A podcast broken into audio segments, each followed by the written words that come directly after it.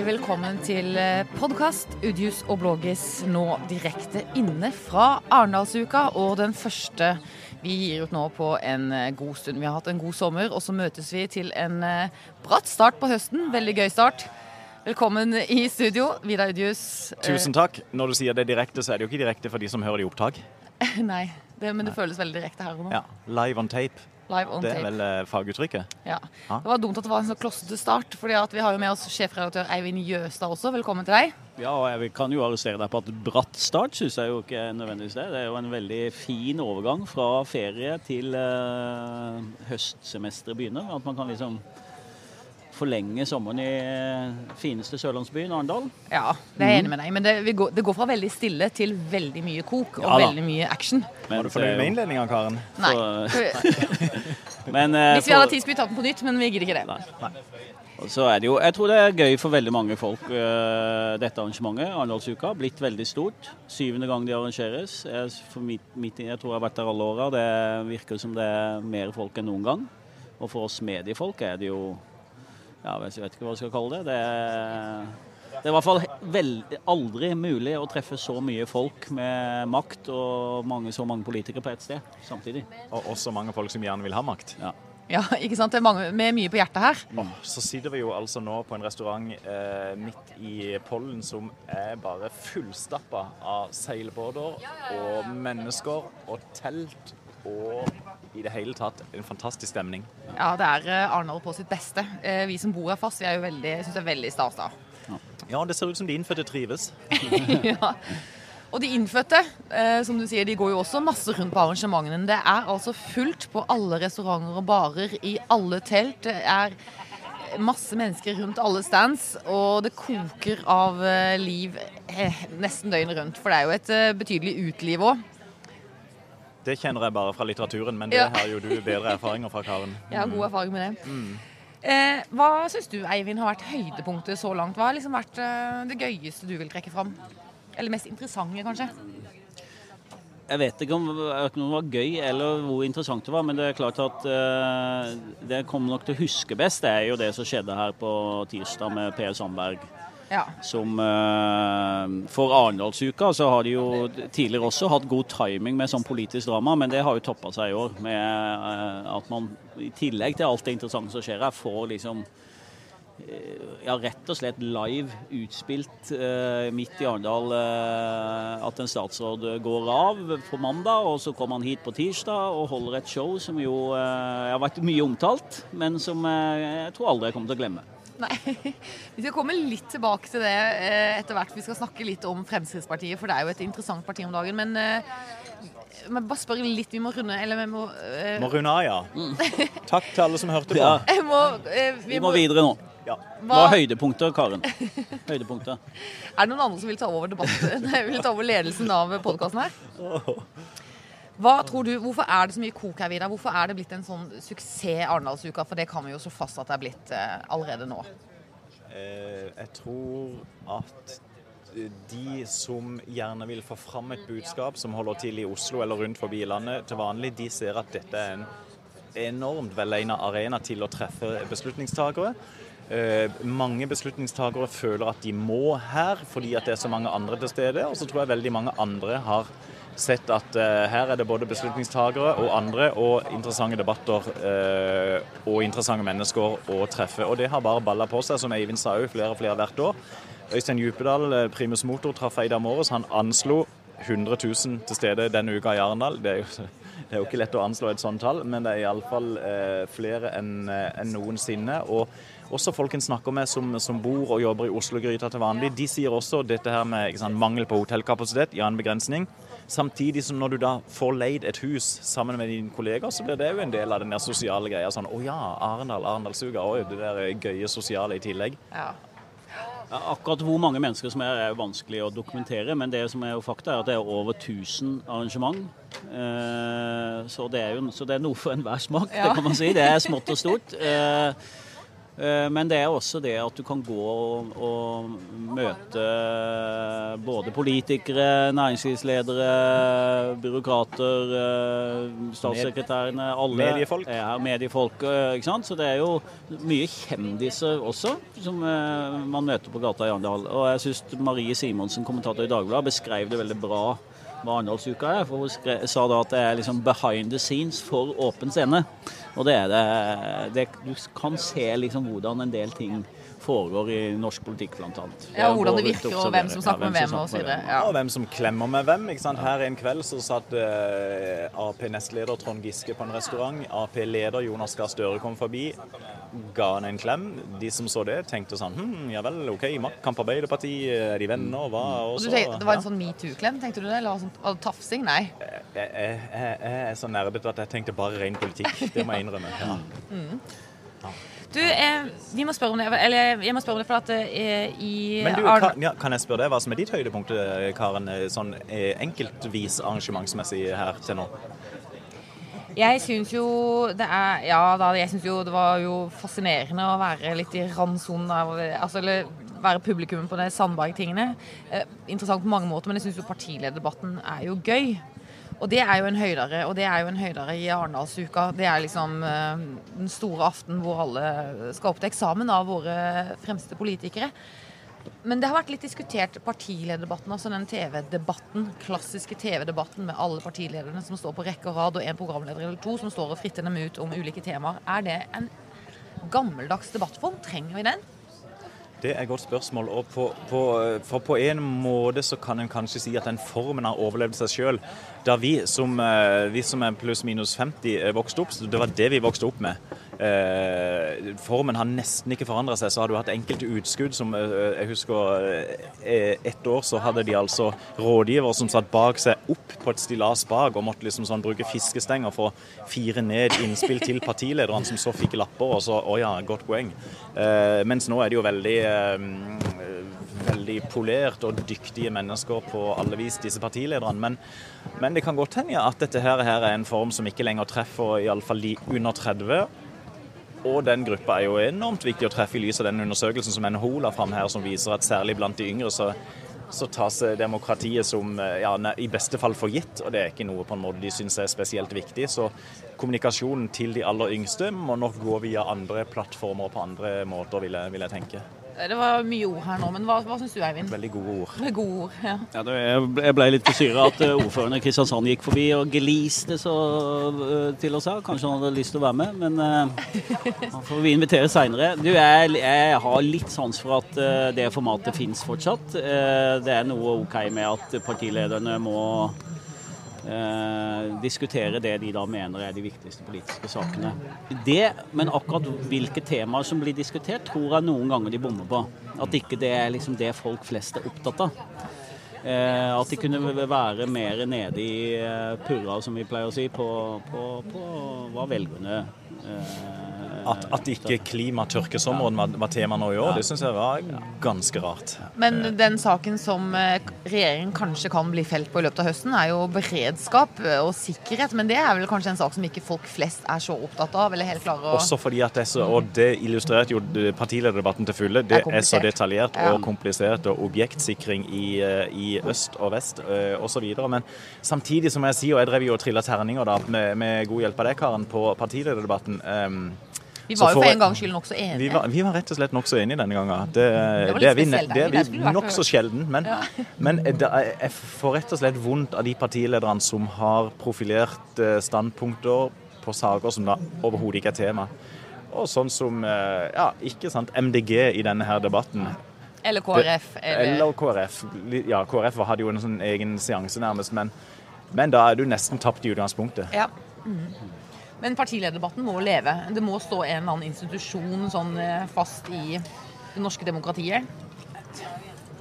Jeg, jeg, jeg, I hvert fall ikke sånn at jeg våkner om morgenen og tenker at nå må vi ta livet av partilederdebatten. Nei. Det har jeg ikke noe behov for. Og For Arendalsuka så har den jo en, en utrolig viktig, fordi at de har fått etablert det som at liksom høstjakta i politikken starter i Arendal. Da må alle partilederne komme. Det gjør at veldig mange andre kommer. Så jeg tror i hvert fall for Arendalsuka så er det veldig fint at det er en årlig eh, seanse. Og også for partilederne så har jo dette satt seg. Eh, og da vi intervjua eh, Jonas Gahr Støre her for et par dager siden, så eh, han fortalte jo levende om hvor godt han huska da han kom ut av partilederdebatten for et år siden og tenkte sånn Yes, nå har vi drivet. Og så våkner han tidlig neste morgen. Bang, minus 5 prosentpoeng, og, og det prega hele valgkampen. Den målinga, stemninga hadde snudd på et eller annet tidspunkt som ingen helt fikk med seg det sitter så friskt i minnet ennå hos Jonas Gahr Støre. Og enda til da fikk jo han veldig gode kritikker av politiske kommentatorer. Og jeg var blant de som syntes han var best i den debatten. Mm. Og så viste det seg jo etter hvert at nei, folk flest syntes han var altfor sånn sinna, Sinna. Sinnamann. Hakkete sinna. Mens, mens, vi på en måte som, som, går i politikken da ut og da inn, syns at å, endelig har opposisjonspolitikeren Jonas Gahr Støre våkna. Korte setninger, spisse poenger ja. og sånn. men det syns folk flest antagelig var for frekt korrekt. Ja. Ja. Og Det er jo interessant for en av de tingene vi har lurt litt på her eh, under denne uka. og Om det er troverdig eller ikke, det er det at Arbeiderpartiet nå påstår at de har lagt alle problemene bak seg. Og og de har da uh, gjentatt det. Det sier uh, både Støre, Giske, Hadia Tajik. De er liksom, nå er vi endelig i gang igjen, og det blir spennende å se om det stemmer eller ikke. Men, menings, det, men på meningsmålingene så kan man jo tenke at folk flest uh, føler at det er litt slik, for de er jo i litt medvind nå, Arbeiderpartiet? Ja, men nokså laber eh, bris i den medvinden. Og det som burde bekymre Arbeiderpartiet tungt, som Martin Kolberg snakka om eh, i en intervjuseanse før Per Sandberg kom inn og krasja hele scenen, eh, det var at det er alarmerende for Arbeiderpartiet som parti at to partier til venstre for Arbeiderpartiet fosser fram, SV Rødt. og Rødt. Ja, mm. Og som Kolberg da resonnerte rundt, hva har vi gjort feil som gjør at velgerne heller går dit og ikke stopper opp ved Arbeiderpartiet? Ja, Svarte han på det? Han har sin analyse som, som, eh, som etter mitt syn er litt gammelmodig, rett og slett. Han snakker om at de må bli tydeligere forsvarere av arbeiderklassen. Og jeg tenker vel at framtidas velgerpotensial ikke nødvendigvis ligger der. Samtidig som velgere, en del velgere etterspør jo tydeligere venstrepreg på løsninger. Og igjen ref at SV og Rødt da eh, går fram. Men Arbeiderpartiets problem er jo også at skal de komme til makten, så må de også ta sentrumsorienterte velgere. De lilla velgerne som ja. da nå skeiner over til Erna, til Erna Solberg. Så eh, ah, Men igjen, for en høst å følge med på. Ja, men de er vel ikke satt penger på liksom at eh, nå går det bare én vei for Arbeiderpartiet. Jeg tror det er en utrolig tung skute å snu, og strømningene med liksom den der aggressiviteten mot sosialdemokratiet. Og, de, og, og de, liksom, de, sliter om å finne sakene de skal profilere seg på. Hva er Så prosjektet? det er en tung, eh, en tung vei for de, tror jeg. Men eh, de er i hvert fall mer eh, De har fått litt glimt i øynene tilbake og er mer optimistiske. Ja, det, sånn det er bedre humør på de. Ja. ja. Og bare litt sånn morsom historie fra Arendalsuka. Jeg traff han eh, Jarle Roheim Haakonsen, som jo har gått fra Dagsrevyen og blitt, skal nå bli sånn kommunikasjonssjef, er det vel, eh, for, for Arbeiderpartiet. Og det var jo litt morsomt for han, for det var egentlig den dagen det ble kjent at han skulle gå over, så, så ble det plutselig litt sånn positive litt. målinger for Arbeiderpartiet. Så, så møtte han her og sa dette virker veldig lett, sa han. ja, der var det gjort. Kryss av for framgang. Ja. ja. Nei, men Vi kan jo bare være glad vi ikke er partileder i Arbeiderpartiet da, og skulle både fri til KrF og samtidig se Rødt fosse fram. og sånn. Det er en veldig politisk eh, skvis. Absolutt. Og så bare et siste, et siste poeng. Kort, eh, veldig kort. men etter hvert nå så begynner meningsmålingene også å spørre ikke hva vil du stemt hvis det var stortingsvalg i morgen, men hva vil du stemt hvis det var kommunevalg. Og ja. der, der, er det ofte en viktig nyanse for ja, en god del partier. Et litt annerledes bilde. Så det blir jo spennende. Men apropos eh, saker og prosjekter og saker Arbeiderpartiet har tapt litt velgere på. det har jo vært, eh, I går var jo en dag med en del debatter om innvandring, eh, inkludering og integrering. Og jeg var jo og hørte på Sverigedemokratenes representant eh, på den store scenen i Store Torungen. Og der var det jo masse andre mennesker også. Var, og Sverige har valg 9.9. Aron Emilsson het han. Ja, Takk for at du sa det, for du skjønte ja. du at ikke jeg husket det? Ja, du gikk så elegant forbi det. Skjønte ja. du veldig tidlig. Søren.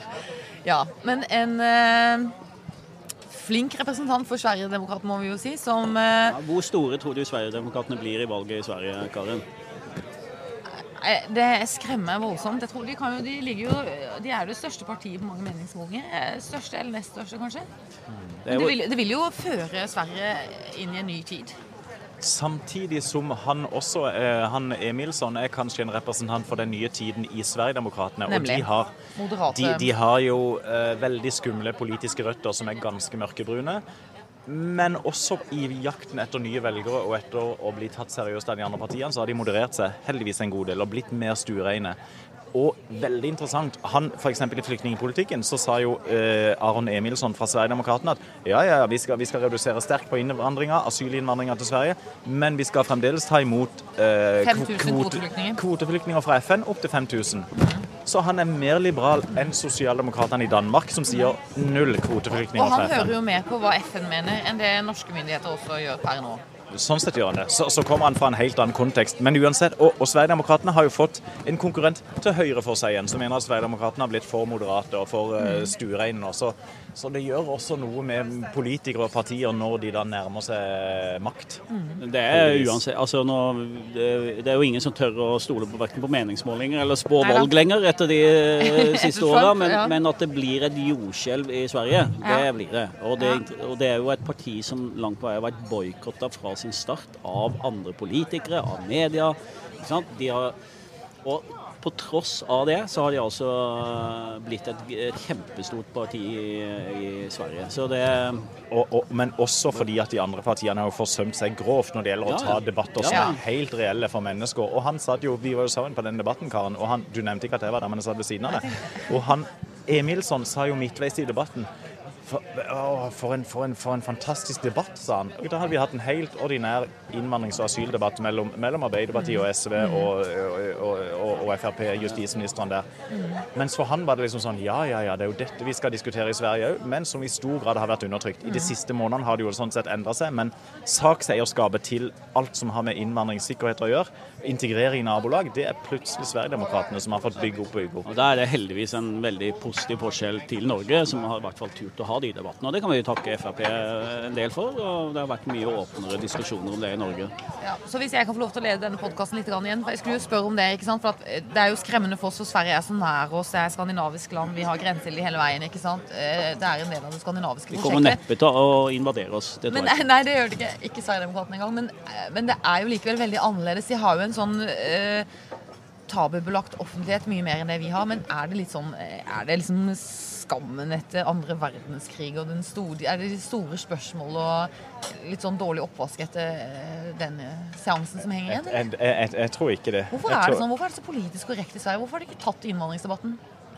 Nei, det har de jo sånn sett tatt selvkritikk på nå i ettertid. Og i, i en annen debatt i går så var det da en um, svensk aviskommentator som eh, definerte seg selv som en eh, radikal antirasistisk feminist.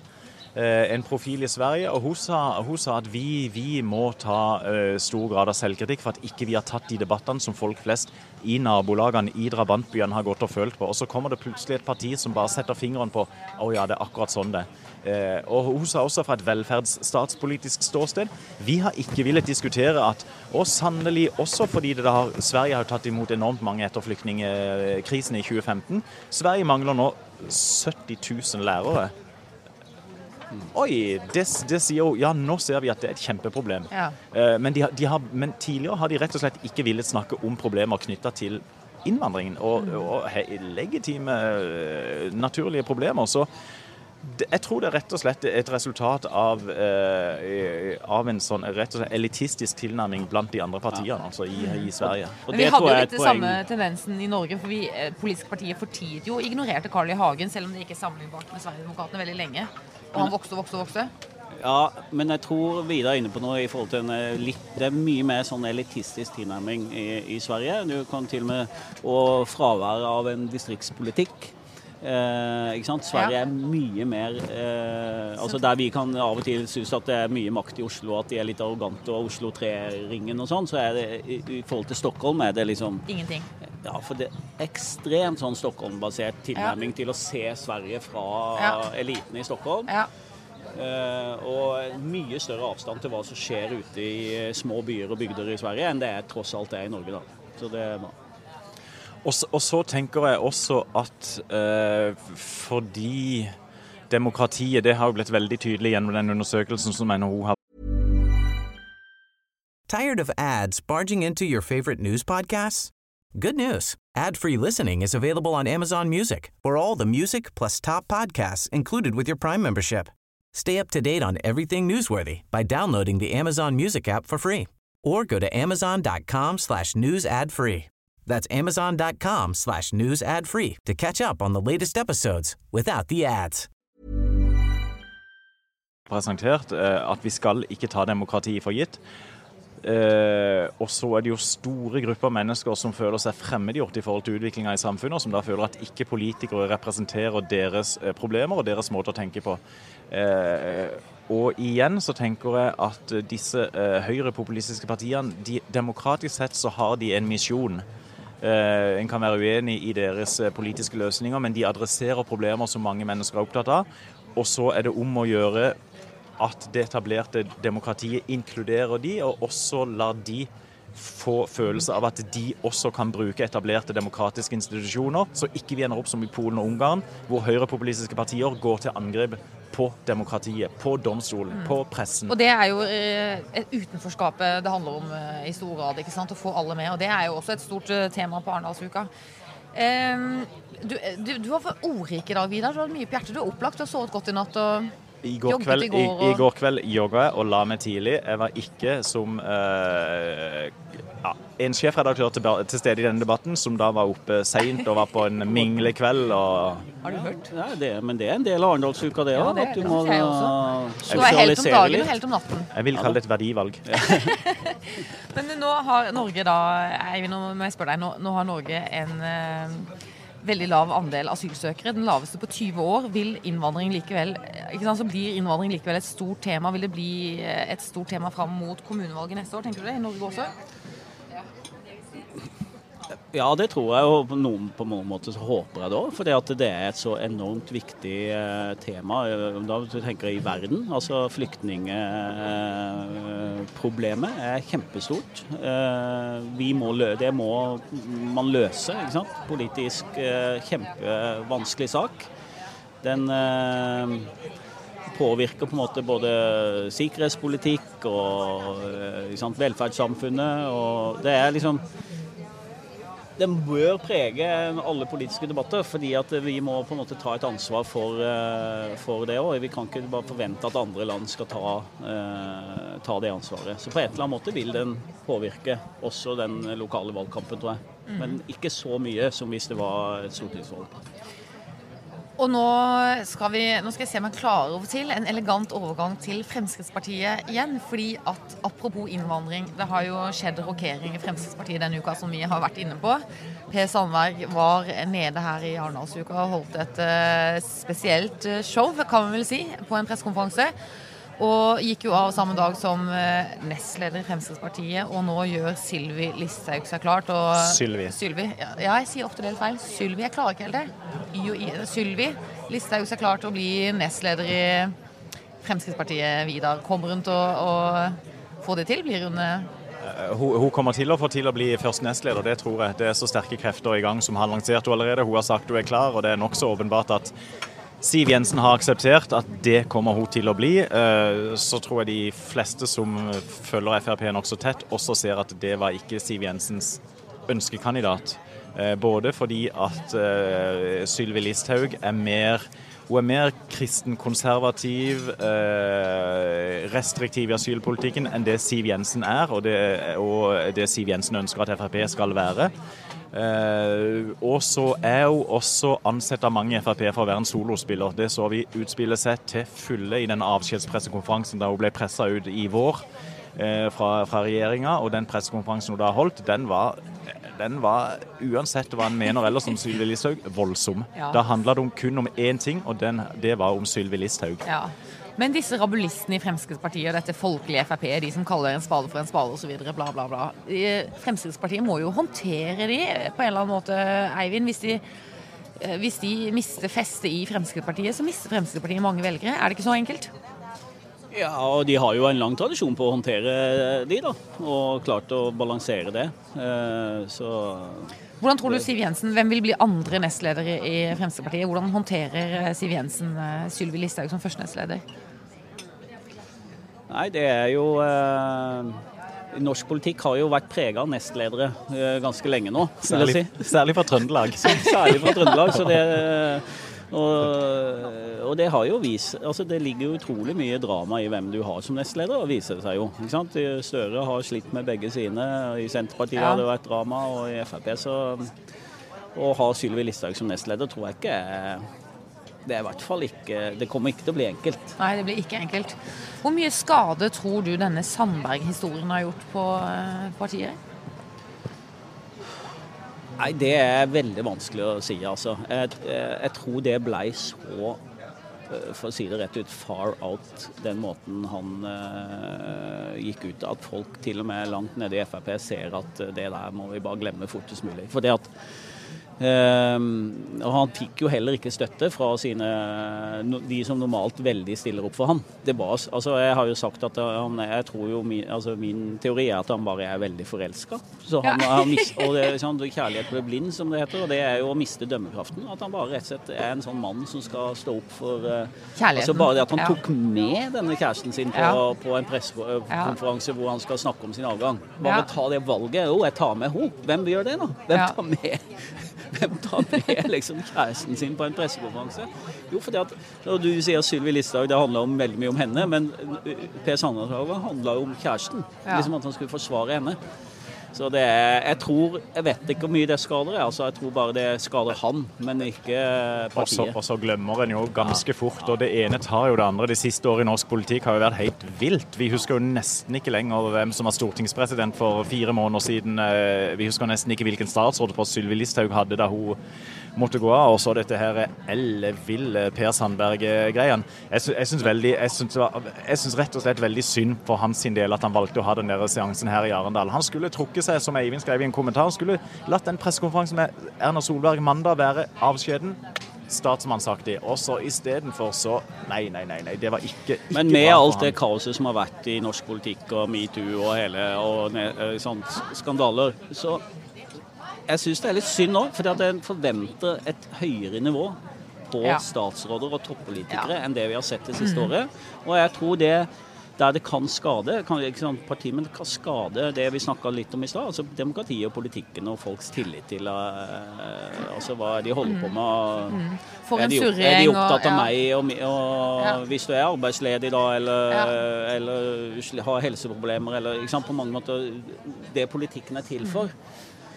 Men jeg må spørre da, Eivind. Klarte Hva syns du, Karen? Nei, nå, skal jeg, nå leder jeg her. Jeg bare spør Eivind litt i forlengelsen av det, så skal du heller svare på det etterpå. Mm.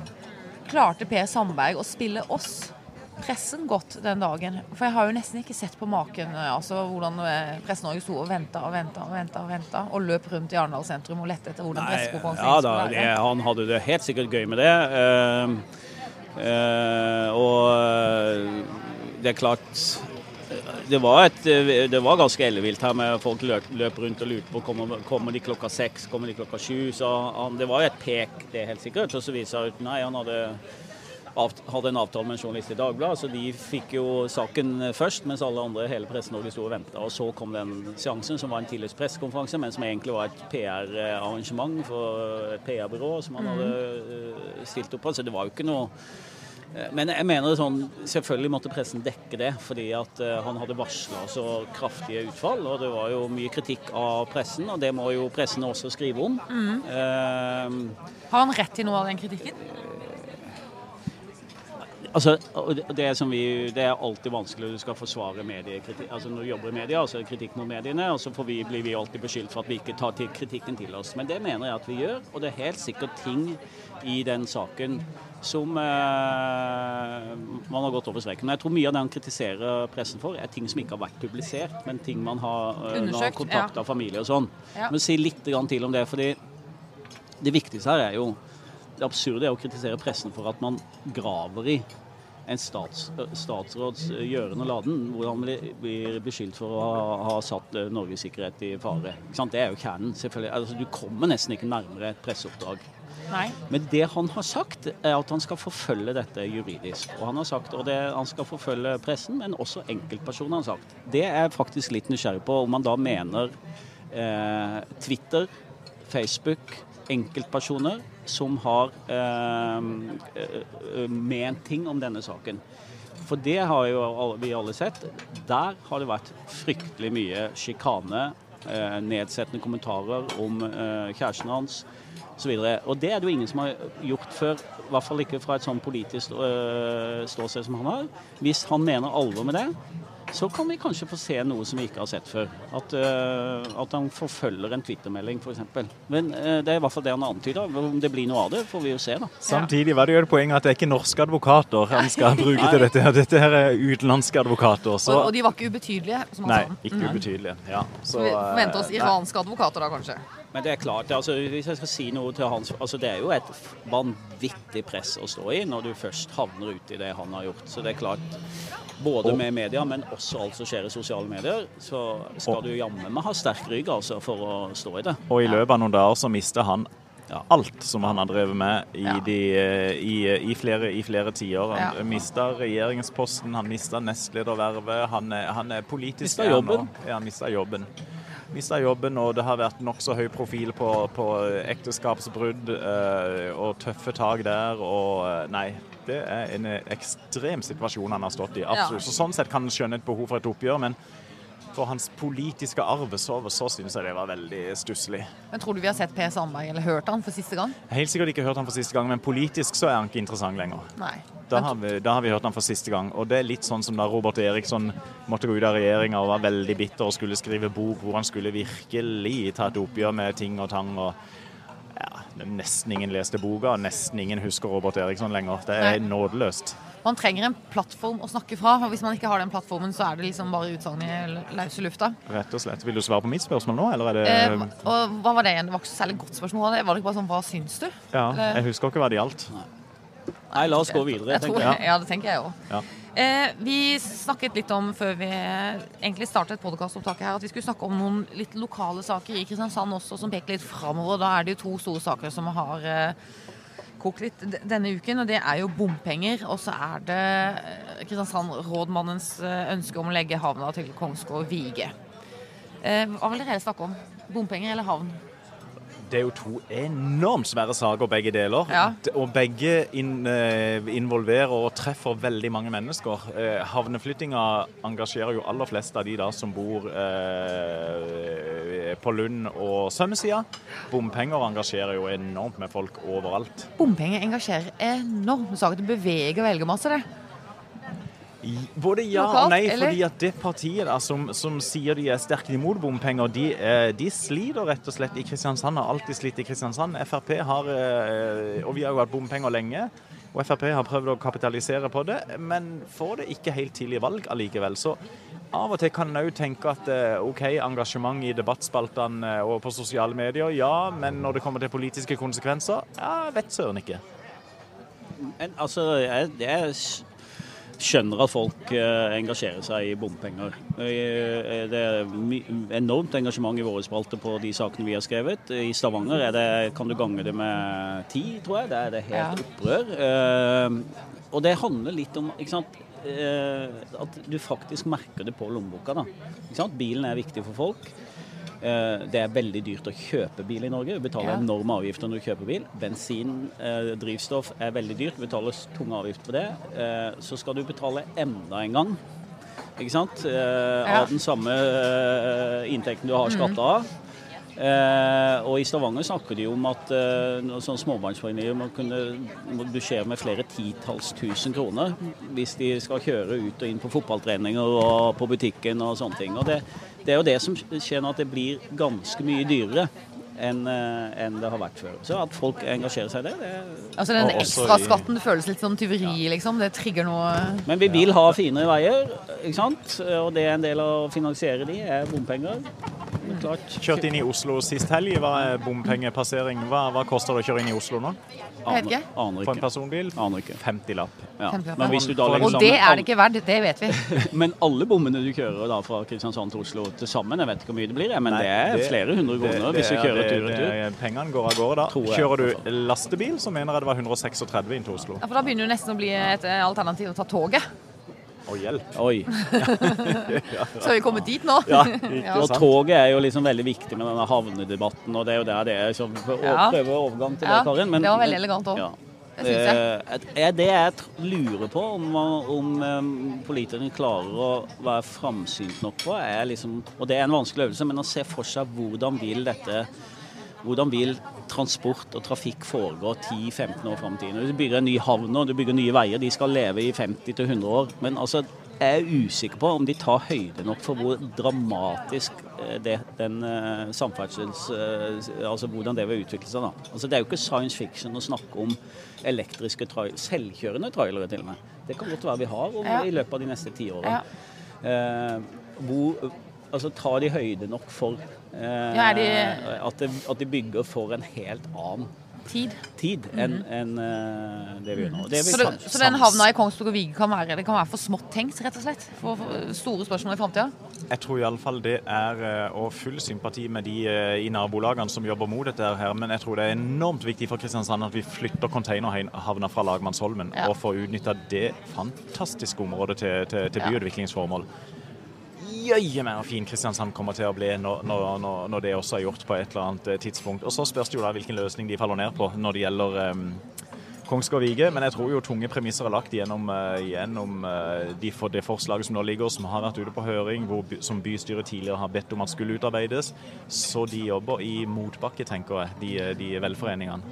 Ja, men det går jo ikke an å lage en helt svær havn med mye trafikk og industri og lessing og lossing uten at det blir det, Noen betaler prisen. Og det er lett for oss å si som ikke er de som står på sant? betalersida. Veldig lett Så, å si. ja. Mm. Jeg skjønner at eh, det er en slitsom nabo for. Men, men og også eh, når vi nå ser framover, nå går vi inn i et valg hvor, hvor eh, i Stor-Kristiansand så skal kommunelistene settes sammen for de ulike partiene etter hvert som begynner valgkampen. Havnesaken og bompengesaken, hvor store blir de sakene i valgkampen? Ah, veldig spennende å se. Ja. Eh, da skal vi faktisk begynne å runde litt av denne podkasten. Hva skal du videre i dag, Eivind? Jo, du, nå skal jeg gå rett i en debatt som skal snakke om jeg tror temaet er Sørlandets synlighet. Ja. Som handler om Jeg tror bakgrunnen handler er eh, en haug med sørlandsk eh, establishment, kan man jo kalle det. Politikere og næringslivsfolk og sånn. Dro til Oslo for å ha et møte med Erna for å selge inn Sørlandet. Og hvor Erna da sa at uh, sørlendinger må finne bergenseren i seg selv. Ja. og skryte litt mer og bli litt mer frampå. Og det skal vi da ha en debatt om, om hvordan vi eh, kan gjøre det. Skal sørlendingen det? Ja, men jeg mener jo at det er blitt mye bedre. Jeg syns at, uh, at vi driver og dyrker litt en sånn myte om at sørlendinger er treige, og at uh, liksom Altså, vi må komme litt ut av det, mener jeg. Kommer jeg til Ja. å si noe om der, da. Så kan vi jo se. Arendalsuka har eh, Sørlandet fått til. Ja. Det er helt fantastisk. Jeg tror alle norske byer ville uh, solgt hva de hadde for å få, få den uka. Det, Ja. Og den er kommet til her, så det er jo et eksempel på at ting skjer. Hva skal du for noe videre i dag, da, Vidar? Eh, eh, jeg må jobbe for Fevennen. Ja, Du skal vel snart hjem og legge deg, kjenner Ja, jeg skal, ja, ja, ja. Nei, du, jeg, må, jeg tenkte jeg skulle skrive en, en eh, nyhetskommentar om, om det enkle temaet demokratiet. Ja. Tar vi det for gitt? Ja. Ja. Nei, altså det, igjen, det, det ligger litt på med den der undersøkelsen som ble lagt fram der fra NHO. Det er tredje gang jeg nevner den, tror jeg, men, men hvor, hvor, hvor folk tar så enormt lett på demokrati og ikke syns det er verdt å kjempe for. Det eh, Skriv litt om det og se det i sammenheng med debatter jeg har vært på her borte, kanskje. Så, Ja, ja. Og du, Karen. Nei, nå skal jo jeg gå og skrive leier. Mm. Eh, og ordne med litt eh, debatt og leserinnlegg og sånn og sånn. Og så skal jeg begynne å forberede meg til en eh, kulturdebatt som jeg skal på i morgen. Hvor Trine Skei Grande eh, og jeg og Sara Sørheim, som er kulturredaktør i Aftenposten, skal snakke litt om eh, kulturfeltet og hva vi forventer av kulturmeldingen. Og koblingen av private offentlige penger på kulturfeltet. Også, og det er jo da i lys av Nicolai Tangen. Eh, Og han skal nemlig først på scenen og intervjue seg Harald Stangel og snakke om eh, gaven sin og alt det støyet litt i forbindelse med det. Så det blir jo en interessant eh, kulturdebatt. Men det er fredag klokka liksom halv fem-aktig, eller noe sånt, så jeg vet ikke hvor mye publikum det da har er i hvert fall enig har i. gått og lagt seg. Det er Ja. Han han begynte å sove litt allerede. Snakka om debatten nå. Nei, da sover ettermiddagslure søgne. Ja. Ja. Da takker vi for at dere hørte på denne podkasten. Og så anbefaler vi veldig varmt eh, folk å komme til Arendalsuka. Det er mye kristiansandere også, Vidar. Jeg har sett opp til flere. Men hvis folk hører dette fra lørdag og utover, så, Så må så, så må vi si at da er det som en vanlig Ja. by, egentlig. Men uh, neste år så er det også valg, og da pleier det å stramme seg enda mer til, kanskje. Tusen takk for at du hørte på. Vi høres igjen neste uke.